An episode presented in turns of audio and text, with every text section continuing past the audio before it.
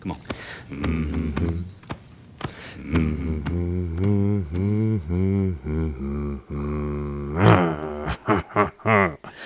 Dzień dobry. I co z tego, że fałszuję? Mm, Niecodzienny nagłos, czyli wid czyta niecodziennego. Dziś o tym, ile powinno być twórcy w tworzywie. Oberwało mi się ostatnio, coś ostatnio dużo obrywam, ale oberwało mi się ostatnio, że za mało mnie w moich tekstach. Że piszę tak bardzo dużo słów, a tak mało w tym człowieka. No, może czy może rzeczywiście może to być jedna z bolączek niecodziennego.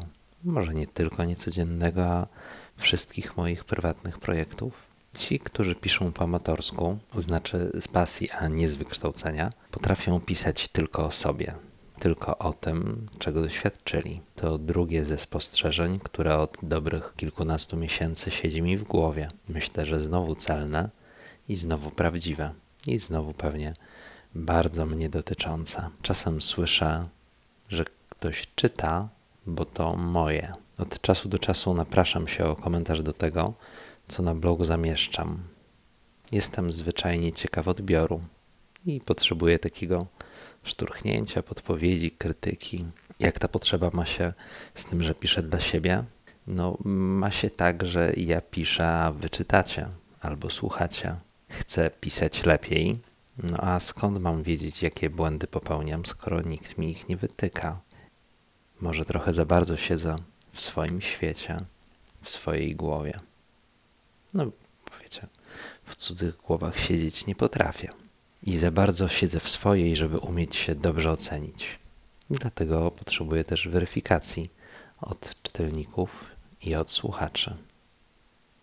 Kiedy słyszę lub czytam, że tak, czytam, bo to twoje, to mam zgryz. Bo z jednej strony to jest zawsze miłe. I to dowód na to, że ktoś lubi mnie na tyle, żeby przynajmniej udawać, że miał czas i głowę, żeby w te moje wymądrzenia się zerknąć. Z drugiej strony odbieram to trochę jako słabość tekstu, że niby jego jedynym atutem, jedynym argumentem, aby się z nim zapoznać, jest to, że on jest mój. Myślę sobie, że to może być za mało, żeby tekst był dobry. Może źle patrzę, może źle rozumiem. No bo czy możliwy jest rozdział między twórcą a dziełem? To się da rozdzielić? Chyba nie. Stąd tak wielka czasem pokusa poważnych pisarzy, aby wydawać pod pseudonimem. Współcześnie zdecydowała się na to choćby J.K. Rowling, ale na taki krok zdecydował się kiedyś także Stephen King. W Polsce to też nie nowość. Nie tylko Remigiusz Mróz pisze pod pseudonimem, ale o ile wiecie, że pseudonimem jest Bolesław Prus, to czy wiecie, że także Jan Brzechwa jest przybranym nazwiskiem? My, odbiorcy, mamy chyba bardzo mocną konotację między tym, kto pisze, tworzy, a tym, co zostało stworzone. To wpływa na nasz odbiór, na naszą ocenę. Takie ludzkie podejście. Bardzo możliwe, że wpływa też na to, czy w ogóle chcemy po coś sięgać. Może nie tylko lubimy piosenki, które już znamy, ale też lubimy dzieła ludzi, których już znamy. Oczywiste, nie? Raz zgromadzony kredyt zaufania procentuje. Raz utracone zaufanie będzie się potem czkawicą przez lata odbijać. Czy to znaczy, że będzie mniej więcej w moich tekstach? Mm, nie wiem. Zwłaszcza jeśli wezmę pod uwagę, że ciężko mi powiedzieć, o czym będę pisał jutro. A pojutrze to już w ogóle całkowita zagadka.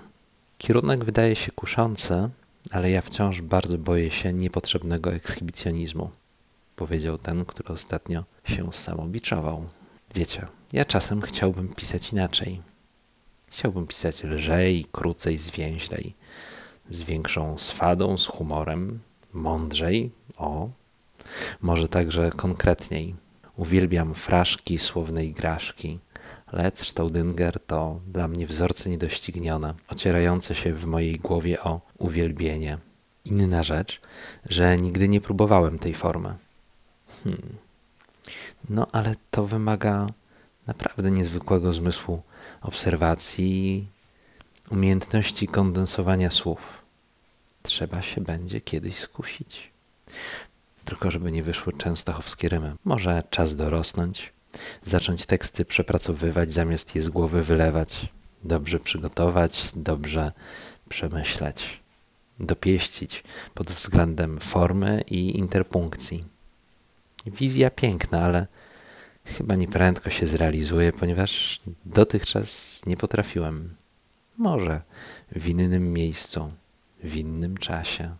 Piszę i nagrywam tak jak umiem. Liczę na Waszą wyrozumiałość. Na blogu na osłodę jest do posłuchania Jacek Wójcicki śpiewający o marszałku Koniewie. Niebezpiecznie zbliżam się do 30 nagrania. To przyjemne spostrzeżenie. Obserwacja jest też taka, że aby mieć czas nagrywać podcasty, muszę wstawać przed szóstą. Także specjalnie dla Was poświęcam się albo po prostu czerpię garściami z dobroci poranka. Jak zawsze, z prawdziwą przyjemnością, życzę Ci dobrego dnia albo dobrej nocy, kto wie. Zachęcam Cię też, aby czynić dobry dzień innym, robić to z bardzo egoistycznych pobudek, bo wiesz, robienie dobrego dnia innym wraca taka karma. A ja teraz wracam do mruczenia, nawet jeśli mruczeć nie umiem. Naprawdę niezwykle nastraja na cały dzień. Mm-hmm. Mm-hmm. Mm-hmm. Mm-hmm.